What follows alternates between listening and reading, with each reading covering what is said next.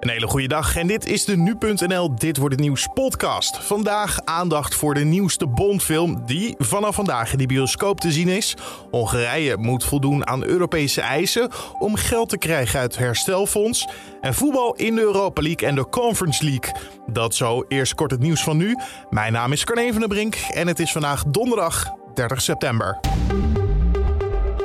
De vader van Britney Spears is na 13 jaar officieel niet meer haar curator. Een rechter in Los Angeles heeft hem officieel als toezichthouder van de zangeres verwijderd. Fans bij de rechtbank omhelsten elkaar toen het nieuws naar buiten kwam.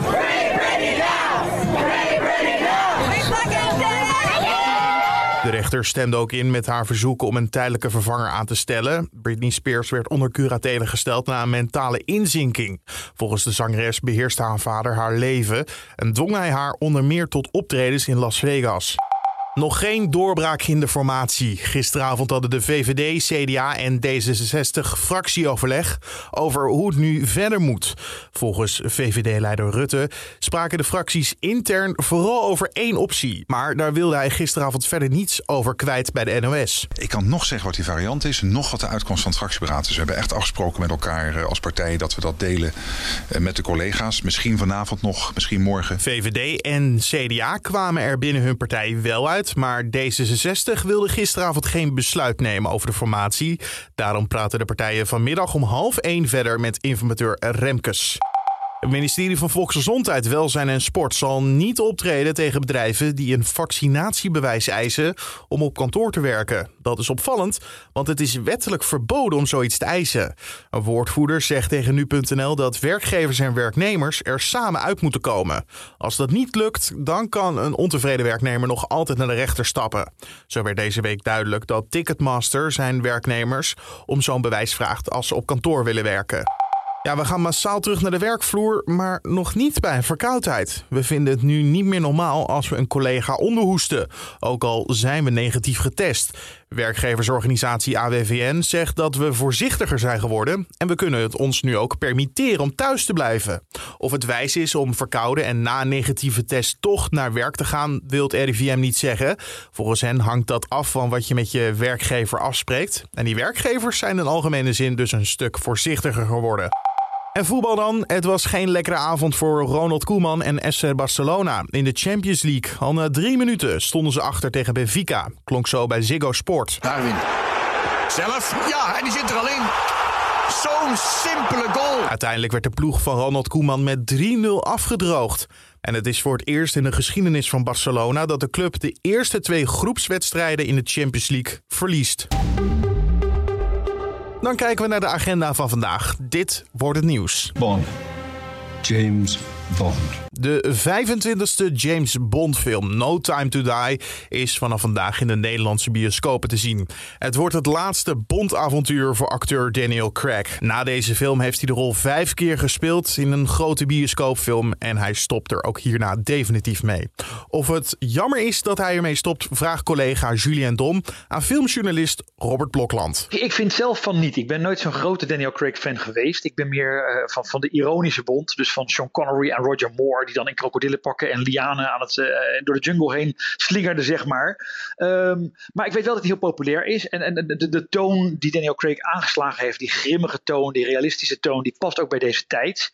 Maar na vijf films is hij ook wel klaar. Hij is nu 53, dan word je op een gegeven moment toch net te oud om Bond te spelen. Maar dat gezegd hebbende, uh, is het wel, denk ik, de beste Daniel Craig film die hij gemaakt heeft. Alles komt samen. Hij is eindelijk volgroeid als Bond. Hij durft eindelijk iets grappiger te zijn. En alle verhaallijnen die zijn uitgezet de afgelopen vier films komen samen. En dat levert een film op waar ik eigenlijk van onder de indruk ben. Wel, hoe zou je No Time to Die dan omschrijven in een paar zinnen, in een paar termen? Nou ja, de, de, de, de, James Bond van Daniel Craig die is erg bezig met zijn eigen demonen. Hè? Met het feit dat hij, dat hij gevoelens heeft en emoties. Uh, het hangt iets minder op de gadgets dan, dan bijvoorbeeld bij Roger Moore geval was. Um, hoewel er iets meer humor in deze film zit. Maar alles komt samen. Dus uh, zijn liefde voor Vesper Lind uit Casino Royale komt terug. En uh, Madeline Swan, die vrouw uit de vorige film, komt ook weer terug. Dus, dus die verhaallijnen worden allemaal afgerond. En die komen samen tot één grote apotheose. Um, het is wel verstandig om de vorige films gezien te hebben. Als je nog nooit een James Bond film hebt gezien en No Time to Die is je allereerste film, dan begrijp je er echt geen ene zak van. Want er wordt niet uitgelegd wie het allemaal zijn. Oftewel wel beginnen bij Casino Royale voordat je dit gaat kijken in de bioscoop. Ja, kijk, als je niet weet wat Spectre is en wie Blofeld is, dan, dan houdt het al vrij snel op, zeg maar. Dan denk je van, wie is die rare man die nu weer door beeld dendert, zeg maar. Nou, ben ik een beetje door die recensies gaan bladeren die inmiddels verschenen zijn. En nou, Robert, jij schrijft zelf ook recensies natuurlijk. Ehm, maar er zitten nogal wat verschillen in. Eh, we hebben er uiteindelijk best lang op moeten wachten. Is die film het dan ja, was die het wachten uiteindelijk wel waard? Ja, ik vind het wel dat het de moeite waard is van het wachten. Uh, het heeft natuurlijk krankzinnig lang geduurd. Vijf jaar, elf maanden en geloof ik toch twee dagen. Dat is geen record, want de langste periode was tussen uh, License to Kill uit 89 en GoldenEye uit 95. Dat was nog een paar maanden extra. Maar ja, het, het, bevredigt wel. Ik had de film natuurlijk ook liever in 2019 gezien. Maar goed, was die nog niet af. En toen kwam corona. Um, ik ben een enorme fan. En eh, wat ik al zeg, ik, ik, ben geen Daniel Craig fan per se. Dat zijn geen films die ik voor mijn lol nog een keer ga kijken, hoe goed ze ook gemaakt zijn. Maar ik, ik, ja, ik, was, ik was zeer blij verrast. En ik, ik had wel het gevoel dat het de moeite van het wachten waard was. Je kan er voor alles op aanmerken. Hij is overvol. En er had nog wel iets meer humor in gemogen. Maar misschien dat het ook gewoon niet past bij Daniel Craig. En is dat weer iets voor de volgende bond, eh, als die over een tijdje aangekondigd wordt. Maar wat zou je zeggen over de kritiek? Bijvoorbeeld het AD kopte met, uh, ja, valt toch wel een beetje tegen. Ja, maar valt tegen, dat vind ik, vind ik kritiek waar ik niks mee kan. Dan moet je argumenteren waarom die dan tegenvalt. En het is natuurlijk ook perceptie. Hè? Ik, ik had zelf natuurlijk geen hele hoge verwachtingen, omdat ik, wat ik zeg, geen Daniel Craig fan ben. En hij viel mij enorm mee. Ik denk dat als je echt, als je echt torenhoge verwachtingen hebt en je denkt van ik ga echt de aller, allerbeste film aller tijden zien ja, dat is James Bond nooit geweest natuurlijk. Het is gewoon een, een, een weg escapisme routine, zeg maar. Uh, met de juiste ingrediënten, met mooie vrouwen, met mooie locaties, met rare gadgets. Ik bedoel, ja... Um, het realisme moet je niet gaan zoeken in dit soort films uiteindelijk. Met een megalomane gek, met een idioot plan. Uh, uh, ja, waarvan je denkt van, goh, zou dit echt ook kunnen? Nee, waarschijnlijk meestal niet. Maar um, ik vond het wel verrassend. Ja, het zou ook een persoonlijke perceptie zijn. Je hebt een bepaalde verwachting van deze film. En afhankelijk van die verwachting wordt die ingelost of niet. Um, en ik, en ik, zie inderdaad verschillen in recensies. Ik heb een één sterren recensie gelezen van een collega aan de Standaard in België. En uh, die diverse vijf sterren recensies in, in Groot-Brittannië. Waar ze überhaupt net iets positiever recenseren zeg maar, als het om Bond gaat dan in de rest van de wereld. Het is toch een Brit? Het blijft toch een Brit, ja, inderdaad. En de, en de serie en ook de boeken die verlangen nog terug naar de grootste tijd. toen Groot-Brittannië nog iets voorstelde, ver voor de Brexit. De Brexit wordt ook niet genoemd in de film. Um, maar nee, ja, netto vond ik het echt een hele fijne Bondfilm. Ja, ik kan het niet beter maken. En, en er zullen ongeveer mensen zijn die het niet met me eens zijn. Er zullen recensenten zijn die het niet met me eens zijn. Maar ik um, kwam, kwam aangenaam verrast de zaal uitlopen. Zeg Robert, je zegt die verhaallijnen die komen allemaal samen, eigenlijk tot een einde dus. Hoe moet het nu verder met James Bond? Daniel Craig die uh, ja, hangt zijn jas aan de wilgen en de verhaallijnen zijn dus klaar.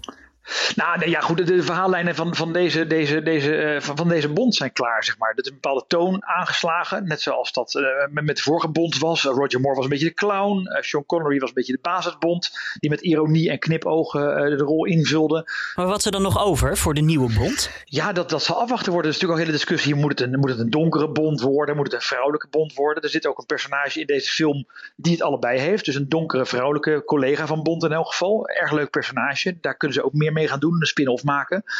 En ja, wat ze verder van plannen met de serie hangt een beetje af van de twee grote producenten, Michael Wilson en Barbara Broccoli. Die hebben ongetwijfeld, hebben ze daar al lang en breed ideeën over. Dat gaan ze natuurlijk nooit vertellen.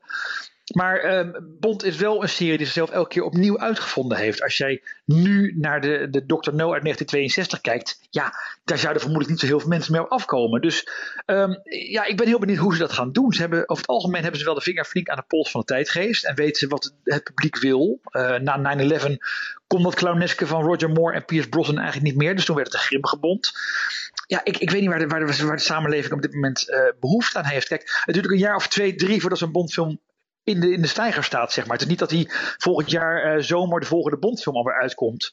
Dus ik denk dat ze daar heel hard over aan het brainstormen zijn en over nadenken. En kijken hoe deze valt en kijken hoe het einde van deze film valt.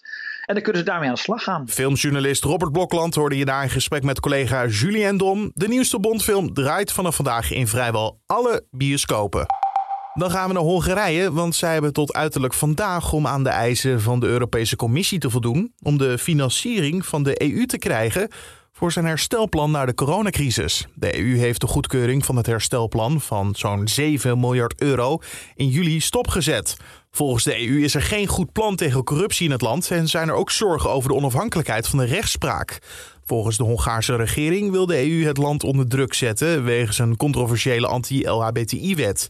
De wet verbiedt onder andere materiaal op school te laten zien die homoseksualiteit of het veranderen van gender promoot.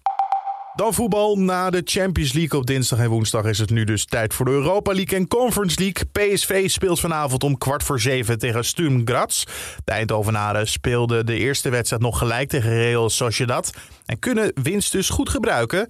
En in de Conference League komen AZ en Feyenoord in actie. AZ speelt om kwart voor zeven en Feyenoord trapt af om 9 uur. En even een balletje breed naar het weer van vandaag. Wat gaat het worden? Je hoort het van Weerplaza's Raymond Klaassen. Vandaag is het lang op de meeste plaatsen droog. En vanochtend is er ook wat ruimte voor de zon. Zeker in de oostelijke helft van het land. Vanuit het westen neemt wel geleidelijk aan de bewolking toe. In het noordwesten en noorden van het land kan dan later vanmiddag en vooral ook vanavond een beetje regen vallen. De temperatuur die loopt op naar zo'n 14 tot 16 graden en er waait een matige zuidwestenwind. In de open gebieden is de wind af en toe vrij krachtig of zelfs krachtig. En dat is windkracht 5 tot 6. Dankjewel Raymond Klaassen van Weerplaza. En om af te sluiten nog even dit. Ja, een man is duizenden keren gebeld nadat zijn nummer in een Netflix-serie verscheen. Het telefoonnummer van een Zuid-Koreaanse man verscheen in de serie Squid Game. Volgens de anonieme man wordt hij dagelijks meer dan 4000 keer gebeld door kijkers van de show. Zijn nummer stond op uh, visitekaartjes die in de eerste aflevering werden uitgedeeld. De man dacht eerst dat het om spamtelefoontjes ging, tot hij een vriend hoorde zeggen dat zijn nummer in de serie zat. Nou, waarom verander je dan niet je nummer? Dat wil hij niet, omdat het een zakelijk nummer is dat hij al 10 jaar gebruikt. Netflix zou momenteel samen met de man bezig zijn met het vinden naar een oplossing. En dat is ook wel nodig, want zijn batterij loopt nu zelfs leeg door de hoeveelheid belletjes. Tot zover deze Dit Wordt Het Nieuws podcast voor de donderdag. Dankjewel voor het luisteren. Laat ons weten wat je ervan vindt naar een mailtje podcast.nu.nl of een recensie bij Apple Podcast. Dan help je ons enorm. Mijn naam is Carne van der Brink. Voor nu prachtige dag en tot de volgende.